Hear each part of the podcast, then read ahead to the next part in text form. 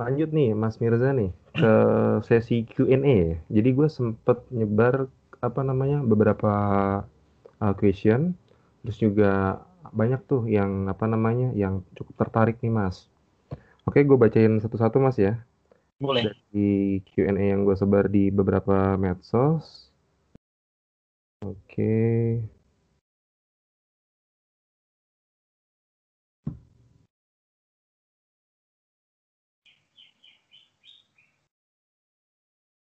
Oh iya, ini kan lu uh, sekarang itu jadi apa uh, posisinya tes engineering manager ya, Mas Mirza ya? Yap, mm -mm, betul.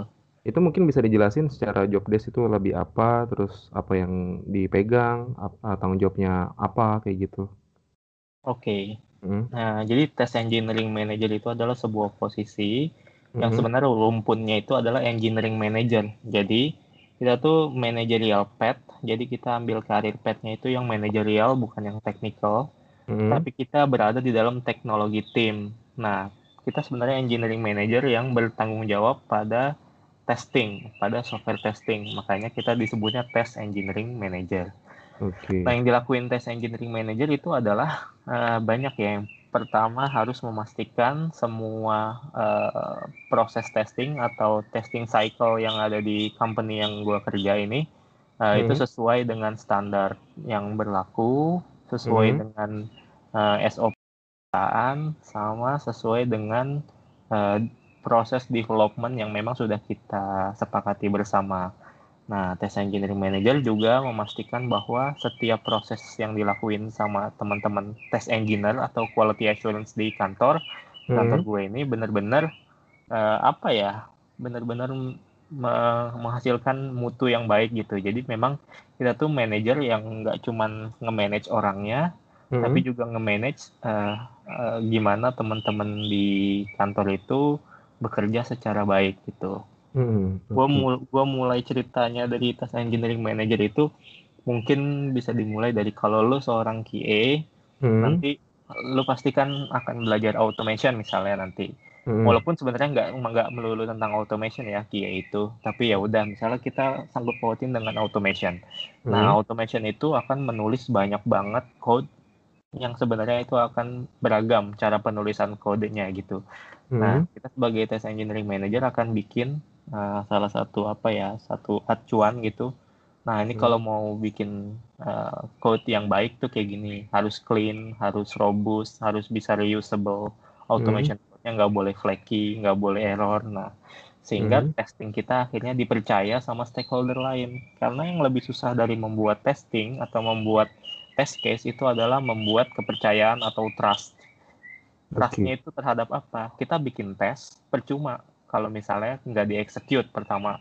Kedua, hmm. hasil tesnya nggak dipercaya sama stakeholder lain. Misalnya nggak dipercaya sama developer, nggak hmm. dipercaya sama product manager atau product owner. Atau yang lebih parah misalnya nggak dianggap lah sama perusahaan. Yang ngapain kita ngadain testing kalau misalnya ternyata testing kita tuh nggak meaningful. Hmm. Nah, kayak test engineering manager itu bertugas untuk membuat software testing yang dilakukan itu sesuai dengan standar dan impact ke company satunya adalah kita menjadi safety net terakhir sebelum hmm. software itu rilis ke production atau rilis ke real user. Sehingga okay. at the very end user kita yang diuntungkan dan company tetap membutuhkan software testing nah, sebagai salah satu bentuk fase development. Oke. Okay. Itu tugas utama test engineering manager. Hmm. Jadi poinnya semua orang mesti happy ya, Mas Mirza ya. Mm -hmm. Mm -hmm. Oke, tadi kan sempat nyinggung, uh, apa namanya, uh, trust ya? Yap. Uh, berarti pernah nih, Mas, ya, ada kejadian di mana, uh, salah satu pihak ataupun, uh, dari teman-teman QA mungkin yang, uh, tidak bisa memberikan trust lebih gitu ke stakeholder lainnya. Itu pernah ada yang kayak gitu? Atau gimana, Mas Mirza? Ya, jadi kalau misalnya tes yang kita lakukan, kan ada dua tipe ya, misalnya kita hmm. klasifikasi berdasarkan dua yang satu manual test yang kedua misalnya automation test hmm. kalau manual test itu eh, positifnya adalah ya cepat bisa langsung dibuat bisa langsung dieksekusi saat itu hmm. tapi negatifnya adalah mungkin ada kemungkinan human error namanya human ya iya berarti human. akan ada kemungkinan human error nah biasanya itu eh, apa ya teman-teman QA itu cenderung dianggap sebagai second class citizen. Hmm. Pernah dengar istilah ini enggak ya? Namanya lulusan IT atau ah, apa ya anak IT itu biasanya oh developer lah gitu. Iya. Nah, QA ini tukang ngetes aja gitu. Iya. Kurang lebih. Nah, apaan itu yang gitu ya? apaan sih ini ngetes-ngetes doang bikin gua ribet aja habis mm -hmm. gua kerjain lu nemuin bug lagi kan. Nah, nah itu cenderung cenderung negatif kan ya. Nah, makanya mm -hmm. di situ uh, biasanya tuh QA itu nggak dapet trust yang cukup. Emang benar, emang lu nemuin error ini di mana? Biasanya ditanya-tanyain sama pertanyaan kayak gitu kan. Mm -hmm.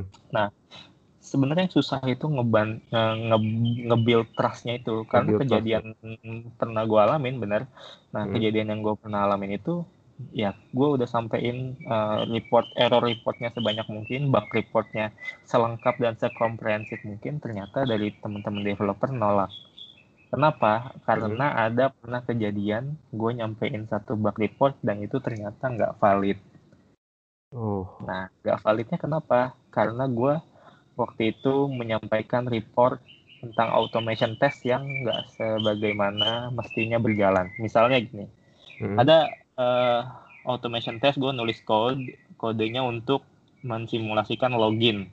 Hmm. Ini simple aja nih ya, login. Hmm. Nah ternyata error nih hasilnya, tet error.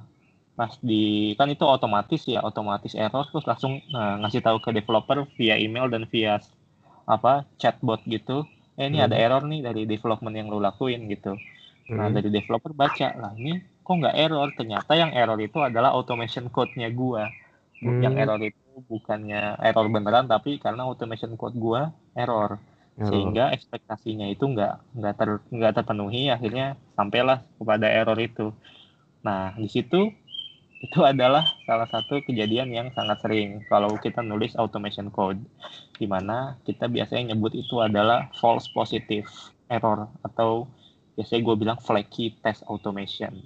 Nah, flaky hmm. itu yang kadang menyebabkan uh, tes kita nggak dipercaya. Anggaplah kita punya seribu test case, hmm. seribu seribunya jalan paralel, terus pas selesai 600 error. Nah, 600 test case itu error, ternyata errornya semuanya gara-gara code kita Wow. nah, anggap aja si 400 sisanya nih code automation kita udah bener, udah bagus banget, tapi 600-nya ini nggak bagus. Akhirnya rusak semuanya karena orang-orang anggap ya di codingan dia aja masih ada error, gimana mau ngetes punya kita gitu. Nah, makanya itu important banget, sangat penting kita membuat sebuah tes skenario, hmm. tes script atau tes code dengan cara yang benar supaya hasilnya itu Eh, lebih bagus gitu. Dan itu bisa dipercaya 100% jadi nggak boleh ada room error di situ. Bahaya juga soalnya. Iya. Ujung-ujungnya ke trust juga ya. Mm -hmm. Mm. betul. Lanjut mas. Ini ada teman-teman yang nanya nih. Uh, metode testing yang gimana yang sekarang lagi banyak digunakan oke okay. kalau kita bicara pada metode ya metode mm -hmm. itu kan ya bisa jadi salah satu apa ya salah satu cara kita untuk melakukan software testing ya. Hmm. Kalau melihat trennya, tren di 2020 ini memang sekarang tetap ya automation test itu lumayan meningkat, hmm. meningkat meningkat. Tapi ya, yang lucunya gue pernah ngadain riset di Amerika sama di New Zealand itu justru lucunya automation tester itu udah kebanyakan Hmm. Sedangkan orang yang ngerti fundamental testing manual justru lebih sedikit. Percaya nggak? Jadi di Amerika itu gaji seorang manual tester itu lebih tinggi dibanding automation test. Wow. Tapi yang hmm. manual testernya itu harus orang-orang yang uh, punya sertifikasi, orang-orang yang memang uh, ya punya kredibilitas tinggi dan dia punya jam terbang yang tinggi gitu. Yes. Nah itu lebih mahal untuk nge-hire orang yang manual testnya strong dibanding dengan orang yang bisa coding. Kenapa kayak gitu? Karena hmm. metode manual test itu harusnya adalah salah satu metode yang harus dilewatin dulu sama semua automation tester. Okay. Lucunya, hmm. kebanyakan orang sekarang hmm. jadi automation tester itu justru dia nggak paham dulu gimana cara ngetes yang benar, bikin test case yang baik. test case yang lengkap itu kayak gimana, bikin bug report apa, ya pokoknya fundamental-fundamental yang dimilikin sama seorang software tester. Kadang Mhm. mereka nggak pelajarin itu, mereka cuma pelajarin gimana caranya coding automation, Mhm. ya kan? Pas mereka belajar, tapi mereka nggak belajar eh, gimana caranya eh, apa nge nge-treat sebuah test case, gimana Mhm. caranya buat test case yang komprehensif. Mereka tuh nggak nggak belajar untuk ngebuat itu. So Mhm. at the end mereka cuman cuman jadi penulis kode doang. Nah, jadi metode yang menurut gua gua saranin ya, ya lu harus belajar manual test dulu. Lu harus belajar benar-benar gimana caranya membuat software testing yang baik, Mhm. melakukan proses software testing yang baik gitu. Mhm. Nah, automation test itu cuman tools, cuman alat untuk ngebantuin lo supaya Mhm. kalau ada test case test case yang bentuknya repetitif, Mhm. terus test case test case yang memang lu lakuin dan itu urgent, dan test case test case yang memang selalu lakuin berulang-ulang. Ya intinya yang sering lu lakuin dan lu lakuin lagi, lu lakuin lagi. Namanya testing kan gitu ya. Iya, betul. Ada objek kita tes, ada objek kita tes. Nah, kalau itu berulang-berulang ya udah kita pakai tools yang namanya automation test. Jadi bukan dibalik. Kita ngetes Oke. nih langsung automation test, baru di situ kita belajar software testingnya. Nah, itu yang ngaco. Gitu. Mhm. Jadi bisa dibilang eh, kalau mau terjun ya ke dunia QA, eh, bagusnya sih lebih ke ini ya, apa, dalemin ke fundamentalnya dulu ya, Mas Mirza ya? Betul. Jadi kita harus dalemin dulu fundamental Mhm. uh, software testernya, baru abis itu Mhm. kita mau lanjut ke mana nih? Nah, Misalnya ya udah mau automation test boleh lanjut. Nanti mau Mhm. ke agile tester ada juga lanjut, petnya ada Mhm. juga. mhm. Tuh sama kayak gini lah. Kalau Mhm. lu mau lari nih, Mhm. lu misalnya baru lahir di dunia, lu kan belajar jalan dulu, nggak langsung lari kan. Iya. Nah, jadi kayak lu harus bisa belajar, lu bisa jalan dulu, lu udah bisa jalan baru lu lari deh gitu. Baru lu beli sepatu yang bagus, baru lu nanti eh, lari di tempat yang bagus, lu bisa lari sekencang-kencangnya, lu Iya. ya gitulah intinya. Semua dimulai dari bisa berjalan. Fundamental itu adalah lu harus bisa jalan dulu. Iya. Berarti agak-agak tricky juga Mas ya kalau misalkan eh, ada apa? eh, misalkan si A nih mau langsung terjun di automation test, cuma dia nggak kuat secara fundamental, ya e- efek eh, jangka panjangnya bakalan eh, banyak gagalnya ya Mas ya? Berarti ya? Iya. Sebenarnya sebenarnya ya itu ya tergantung orangnya juga sih. Ada yang memang orang belajar bisa bisa dibulak-balik gitu ya. Dia belajar segala macam. Mhm. Tapi gue udah nemuin beberapa ya gue hampir akhir-akhir itu interview banyak orang yang pengen masuk di perusahaan yang buat gue kerja ini Mhm. itu banyak yang jago wah coding ini uh canggih banget deh lo pakai apa Python oke coba bikin apa automation live coding bla bla bla bla Mhm. gue tanya pertanyaan gue cuman simple gue nanya Mhm. gimana cara lu komunikasi ke developer kalau nemuin defect nanya gue simpel doang gitu Mhm. eh ya ini ya ya gitu dah jawabannya tuh terlalu terbata-bata dan dia juga nggak ngerti sebenarnya apa sih esensi kita menemukan defect terus kita kasih ke developer tuh esensinya apa Mhm. ada sa- poin penting yang dia lupakan di situ habitnya developer sama habitnya QA itu kan beda Iya beda. satu. Developer itu cenderung membuat sesuatu mendeliver sesuatu. Sedangkan kita tuh ya kasarnya kita merusak sesuatu ya kan? Kita tuh bekerja pada suatu negativity. Negativity itu adalah sesuatu yang dianggap momok sama developer. Iya. komunikasi itu penting gitu. Iya. nah kalau dia nggak bisa komunikasi dia cuma bisa code ya udah jadinya jadinya ya perang antara developer dan QA dan QA selalu dianggap ah lu nyusahin doang ah lu cuma bikin produk rilisnya lebih lama ngapain sih itu ya. Itu yang itu yang sangat fundamental gitu. Jadi Mhm. kalau misalnya kita mau belajar jadi software tester yang baik ya kita juga harus belajar komunikasi. Komunikasinya gimana? Komunikasi verbal boleh non verbal juga boleh. Kalau verbal itu adalah intinya kita bisa menyampaikan suatu hal yang negatif dengan cara sepositif mungkin. Mhm. karena bug yang kita laporin itu negatif untuk developer ya kan? Iya. nah kita harus menyampaikan itu dengan cara positif. Gimana caranya Iya. dengan cara objektif gitu Mhm. Ibarat garis vektor ini dua arah yang berlawanan ya Mas Mirza ya? Mm-mm. memang memang berlawanan tapi sebenarnya kita bisa kolaboratif gitu saling Mhm. kayak inilah kayak ada yang kritik gitulah jadi memang Iya, kita harus ada bisa ada pro kontra lah ibaratnya gitu ya. ya ada pro kontra betul Mm, mm, mm. Oke, lanjut nih Mas. Ada lagi yang nanya gini, eh, untuk uh, teman-teman yang non teknikal nih, uh, pertama kali kalau mau mau belajar, uh, menjadi test engineer tuh mesti ngapain sih gitu? Nah, ini gue juga udah pernah bahas di podcast gue, mm -hmm. uh, ada di salah satu episode gue bikin podcast namanya "Setiap Orang Bisa Menjadi Software Tester Asalkan", mm. nah itu salah satu topiknya. Nah. Semua orang tuh bisa gue punya pernah punya kenalan dia lulusan keperawatan. Mm -hmm uh, terus dia belajar software testing terus dia hmm. tertarik akhirnya memperdalam. Sampai sekarang dia uh, udah jadi software tester di di Thailand. Wow. Dia wah dia udah lumayan bagus di sana sudah settle. Dan dia dia berawal tuh dari belajar dulu sih. Gue ketemu dia pertama kali gak ngerti apa-apa. Mm -hmm. ya yang dia pelajarin apa? Ya gue simpel gue cuma kasih tahu lu mau belajar software testing? Ya mau. Ya udah sekarang lu belajar dulu gimana cara uh, komunikasi yang baik pertama. Yang kedua hmm. adalah lu harus bisa melihat sebuah produk yang pengen lu tes. Hmm. Kan? Produk yang lu pengen tes lu harus tahu dulu. Misalnya let's say lu simulasiin lah lu mau ngetes sebuah software apa. Lu harus coba dulu satu minggu ini lu pahamin dulu software itu behaviornya gimana. Kalau uh, functionality-nya gimana, fungsionalitas software itu gimana Hmm. Kalau udah lo gather informasi itu, yang ketiga adalah lo harus bisa membuat test case. Test case. Caranya ya? gimana? Test case itu tuh kayak kalau kita simpelnya itu adalah sebuah ekspektasi aja.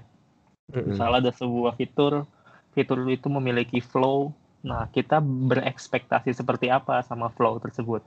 Misalnya login, ya user hmm. masukin username, kemudian user masukin password, kemudian dia klik tombol login Nah, di situ akan hmm. ada ekspektasi kan. Ekspektasi dari softwarenya apa? Nah, hmm. ekspektasinya user berhasil login. Nah, dengan melakukan itu lu udah membuat satu test case. Hmm. Nah, test case itu kan ya kayak sebuah skenario lah. Iya. Skenario ya dari awal lu harus ngapain, step-stepnya apa.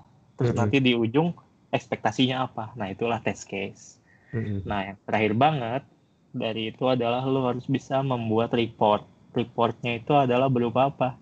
Ya orang harus tahu dong proses testing yang lo lakuin itu ujungnya gimana? Apakah berhasil apakah gagal? Kalau hmm. gagal gagalnya di mana? Hmm. apa yang harus diperbaikin sama developer? Nah itulah yang harus dimuat eh, uh, pada report of testing yang lo lakuin. Jadi tadi lo hmm. harus belajar komunikasi yang pertama. Yang kedua harus uh, memahami produk yang pengen lo buat Mm-hmm. Nah, yang ketiga lu belajar membuat test case, yang terakhir lu harus bisa membuat report. Jadi dengan empat step itu, semua orang pasti bisa jadi QA. Oke. Okay. At least manual test. Gitu. By the way, report yang dimaksud di sini lebih ke dokumentasi nggak mas, atau gimana? Nah, dokumentasi itu penting juga, betul. Mm-hmm. Tapi report yang di sini itu adalah kayak statement gitu loh. Misalnya lu punya tujuh test case yang lu jalanin, dari tujuh itu berapa yang pas, berapa yang fail. Gitu. Okay. Nah, report itu bisa jadi dua. Bisa report dari testing tersebut atau report yang berupa bug report. Bug report, oke. Okay. Bug report itu lu nemuin error, errornya di mana, lu hmm. cara menemukan errornya gimana, step yang lu lakuin tuh apa aja sampai errornya itu ketemu gitu. Hmm. Nah itu sangat meaningful nanti sama developer. Karena developer misalnya gini deh kita cuma bilang, hey ini ada error nih di halaman home gitu. Hmm. Kita nggak ngasih detail apa-apa ya. Developer bingung. Home-nya yeah. yang mana? Lu cara dapetin errornya gimana? Lu pakai device apa? Lu pakai apa? Gitu. Nah kalau report error report yang bagus ya kurang lebih ada judulnya ada test case yang dipakai tuh test case apa di hmm. dalam test case itu kan pasti ada stepnya di mana step yang mana dia gagal gagalnya di modul apa dia menggunakan device apa kecepatan internetnya berapa terus hmm. uh, cepat atau sedang dia ngelakuinnya jam berapa apakah servis yang dinyalain lagi bagus atau enggak nah jadi kayak hmm. ada detail-detail yang di mana kita sebenarnya tuh ngebantuin developer untuk ngebuat kualitas dari sebuah software itu lebih baik okay. jadi tujuan kita tuh bukannya pengen nyari kesalahan developer tapi justru kita pengen ngasih tahu celah-celah yang kalau dilanjutin justru jelek juga nama developer itu gitu. Iya. Jadi lebih ke arah membantu sih sebenarnya, Mas Mirza ya. Mm -hmm. Kolaborasi. Iya, kolab, kolaborasi. Betul. Uh -uh. Ngomong-ngomong soal detail ya, makanya banyak banget requirement yang dibutuhkan untuk QA itu detail oriented ya. Ujung-ujung ke sana. Mm -hmm. Attention to detailnya harus tinggi. Mm -hmm. Attention to detail. Oke, nih lanjut lagi nih Mas. Ada lagi yang nanya kayak gini sih. Ceritain semua kerjaannya please. Mungkin bisa didengar aja langsung kali ya di podcastnya Mas Mirza Tuh, di. Mm. Ngobrol QA, cari aja di Spotify ada, di ah. YouTube juga ada, tapi kalau di YouTube baru satu episode. Belum sempat record lagi. Mantap, mantap. Ngobrol QA. Ya, Atau ya kalau misalnya mau kecemplung banget, ya udah langsung aja apply di mana. bisa sih. Soalnya kalau mau diceritain juga panjang Mas ya. Bisa satu minggu belum beres-beres ya Mas. Betul. Bisa belum selesai-selesai nanti. Iya. Ya intinya sih kalau mau belajar tuh bisa dari mana pun, bisa dari podcast, bisa dari podcast kayak kita ini, Mm-mm. atau bisa baca bisa baca buku, ada juga banyak buku tentang software testing yang bagus, tapi bahasanya bahasa Inggris biasanya. Iya. Ada medium apa medium articles atau ya banyak sih ada tes software testing test, ada biasanya orang-orang Prindavan tuh yang bikin orang-orang India biasanya. India ya. Iya, Jago-jago Mas ya lebih- sana ya Mas ya. Kenapa? Jago-jago ya orang-orang India Mas ya. Enggak sih, mereka itu nggak jago, mereka itu hanya mulai lebih dulu aja dari kita. Jadi kita Hmm. ketinggalan 10 tahun dari mereka tuh bukan karena mereka jago, tapi mereka emang udah mulai 10 tahun lebih dulu daripada kita. Oh gitu. Gua mikirnya selama ini tuh eh, orang-orang India tuh jauh lebih jago gitu. Soalnya kan gua ngeliat dari dari apa dari infrastruktur dari macam-macam juga kan kelihatannya sama gitu kan. Mm-mm. Enggak kok. Eh, orang-orang India itu ya gimana ya? Mereka ya gue pernah kerja juga di India sana kan ya. Ya maksudnya sama orang-orang India itu ya. Mm. Mereka tuh ini persisten orangnya. Jadi Hmm. kalau satu ya udah itu aja gitu. Nggak mencela-mencela gitu. Iya. Itu yang Cuma sulit ya memang- malahan ya. Memang mereka diuntungkan dari teknologi yang nyebar di India itu mereka udah duluan duluan banget kita ketinggalan mulai teknologi ibarat kata tahun 93 kita masih bingung gimana cara pakai teknologi gitu di Mm. sana 93 udah banyak pakar-pakar gitu Hmm, gitu. Malah gue baru denger nih Mas dari Mas Mirza. ya ada tuh teori yang menyebutkan ya kenapa Indonesia sampai sekarang nggak nggak terlalu kedengeran di luar itu ya karena kita telat mulai jadi di mana-mana udah hype kita baru ini ya sama aja kayak sekarang deh Ini Mm. lucu banget, makanya sempet heran si IDSTB ini kan harusnya mensertifikasi segala macam ya. Mm. Kalau di luar negeri itu eh, Hmm. orang itu mau kerja software testing harus punya certification, Harus punya license lah ya. harus punya license. Kayak kalau sekarang yang udah berlaku di sini inilah apa networking ya. Kalau lu punya Cisco gitu kan, Iya kan betul. lebih dianggap gitu.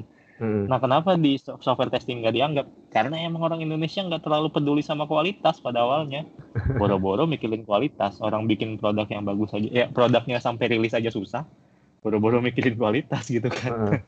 Heeh. Nah makanya Atau mungkin kita sekarang bahkan gini Mas, eh, masih menganggap tuh kayak profesi-profesi eh, IT itu sebelah mata gitu Mas, mungkin Mas. Ah Betul. paling cuma ngebantu aja kayak gitu sifatnya ah, bukan cuma core gitu. Mm-mm, cuman tukang tes, cuman tukang tesnya developer. Weh, salah banget kalau kita QA ini dianggap tukang tesnya developer. Ya udah developer aja ngetes sendiri. Coba bisa atau enggak. Tapi nggak mau kan? Gitu. Jadi ya software testing ini adalah sebuah aktivitas yang sangat penting Mm-mm. kalau uh, orang-orangnya sudah melek akan pentingnya menjaga kualitas. Kalau belum, yang penting rilis ya udah.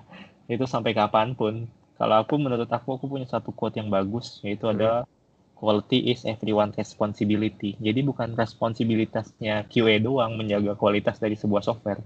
Mm-mm. Developer juga harus bikin unit test, developer juga harus mastiin eh, apa software yang mereka buat itu ya sebaik mungkin. Dari product owner juga harus bikin product requirement yang bagus. Kalau bikin product requirement yang salah-salan ya ya percuma kita kita eh product owner bikin produk asal-asalan, developer bikinnya asal-asalan, kita ngetesnya asal-asalan. Mm-mm. Ya gimana nanti di deliver ke user ya user nggak ada yang make. Iya. Ya ini apaan sih produk asal-asalan doang gitu. Mm-mm. Jadi quality is everyone responsibility. Iya. Keren banget quote-nya. Oke, ini ada last question, Mas. Eh, sharing dong tentang roadmap atau career path dengan goal menjadi test engineer manager. Roadmap sama apa sorry? Eh, roadmap atau career path? Oh career path. Mm-mm. Untuk jadi test engineering manager ya. Iya betul. Nah jadi uh, ini uh, gue sering bawain ini ya kalau jadi pembicara biasanya. Hmm. Nah, uh, career path jadi seorang kiai itu adalah pertama lo harus paham fundamental dulu. Hmm. Ya, yang pertama lo harus paham fundamental. Setelah lo paham fundamental, lo ngerasa lo udah lumayan oke okay nih dengan skill yang lo punya. Lo harus bisa menilai diri sendiri dong ya pastinya. Setelah yeah. lo bisa itu, lo bisa belajar pelajari tentang software testing yang bersifat automation, autonomous atau biasanya kita sebutnya automation test. Nah, hmm. kalau lu udah bisa menggunakan automation test sebagai tools, nah di situ ada cabang nih. Nah, hmm. ada cabang. Pertama, lu bisa ambil managerial path atau career path yang manajemen. Hmm. Nah, kedua, lu bisa ambil ke technical path. Technical path itu biasanya jadi test engineering arsitek, arsitek dari sebuah test engineer. Nah, hmm. Nah, yang ketiga, lu akan jadi apa expert atau consultant biasanya. Nah, biasanya orang jalan tengahnya ngambil konsultan tuh. Nah, hmm. jadi tiga career path itu ya. Kalau manager managerial path, lu tuh bener-bener ngurusin people-nya. How to maintain the test, how to make the test is uh, lebih visible, lebih easy, lebih gampang dipahamin. Hmm. Nah, kalau yang uh, arsitektural, lu bikin framework, lu bikin uh, bahasa baru di software testing gitu ya atau lu bikin kerangka software testing lu bikin tools bikin apa pun nah itu biasanya di arsitektural nah hmm. kalau consultant biasanya itu lu ambil sertifikasi yang tinggi yang di mana lu highly certified terus nanti lu dijadiin konsult konsultan sama orang lain. Ini gimana ya gue punya software kayak gini kira-kira ngetesnya yang bagus gimana berdasarkan pengalaman gitu. Hmm. jadi ada tiga path itu. Terserah mau pilih yang mana. Tapi semua itu dimulai dengan cara hmm. lo harus belajar komunikasi yang baik. Komunikasi ya. Ini dari tadi lo nekanin komunikasi komunikasi komunikasi. Berarti komunikasi uh, ibaratnya poin yang penting banget ya Mas Mirza ya iya dong menurut hmm. gue di software testing itu paling penting itu komunikasi hmm. sisanya ya lu harus belajar belajar hmm. terus belajar terus gitu kalau komunikasi lu nggak bisa Hmm. Ya gimana ya komunikasi itu ada verbal ada non verbal ya dan iya. ada tekstual sama sama sama apa sama yang verbal Ada, gitu ya iya kalau lu nggak bisa bikin sesuatu jadi komunikatif ya udah lu gimana cara nyampein hasil report? Lu iya ujung-ujungnya useless berarti ya. Iya useless. Nah hmm. ngapain belajar kalau orang lain nggak ngerti apa yang lu lakuin? Iya. Gitu. Ya, ya berarti juga secara nggak langsung juga belajar branding juga penting ya, Mas Mirza ya, belajar branding, terus juga uh, belajar apa namanya, uh, ya kasarannya cara menjual lah gitu, cara menjual iya, dari iya. dari suatu produk ataupun skill kita ataupun dari hasil kerjaan kita. Mm -mm. Ya kalau kalau gue bilangnya itu kasarnya gini lah, mm orang kalau punya produk mereka menjual produknya kita kalau punya keahlian kita tuh menjual diri dalam tanda kutip ya menjual yeah. diri dari hal keahlian gitu mm-hmm. keahlian banyak soft skillnya ada banyak ada communication ada yang lain-lain tapi menurut gue key strength dari si software testing ini lo harus strong di communication strong di communication ya oke okay. ya itu soft skill yang wajib oke okay. Mungkin, uh, cukup segitu aja ya Mas Mirza ya, karena ini juga okay. udah lumayan panjang. Mungkin dari hmm. lu ada last statement? Buat okay, last statement teman-teman, mm Oke, okay, Atau... statement gue sih buat siapa pun teman-teman yang dengerin podcast ini, hmm. jangan pernah berhenti belajar yang pertama hmm. dan lu nggak boleh takut memulai sesuatu karena rule pertama anak IT itu adalah sok tahu. Hmm. rule keduanya adalah belajar dan yang rule ketiganya adalah lu uh, belajar dari kesalahan. Oke, okay, terima kasih. Oke, thank you banget Mas Mirza udah mampir di podcast Aditya Perdana. Uh, ke depannya uh, moga-moga semakin sukses terus, makin uh, makin up, makin naik, terus juga apa namanya ya semakin apa yang lu mau lah, ya terkabul lah gitu poinnya, amin, seperti itu. Oke, uh, sekian dari gua dan Mas Mirza. Uh, kurang lebihnya gue mohon maaf. Apabila podcast ini uh, berguna untuk kalian, kalian bisa share, kalian apa bisa share ke teman-teman kalian, ke grup-grup keluarga kalian, ke ya semuanya lah yang menurut kalian ini oke okay banget sih kayak gitu.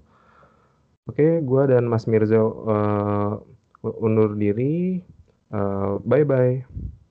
Bye.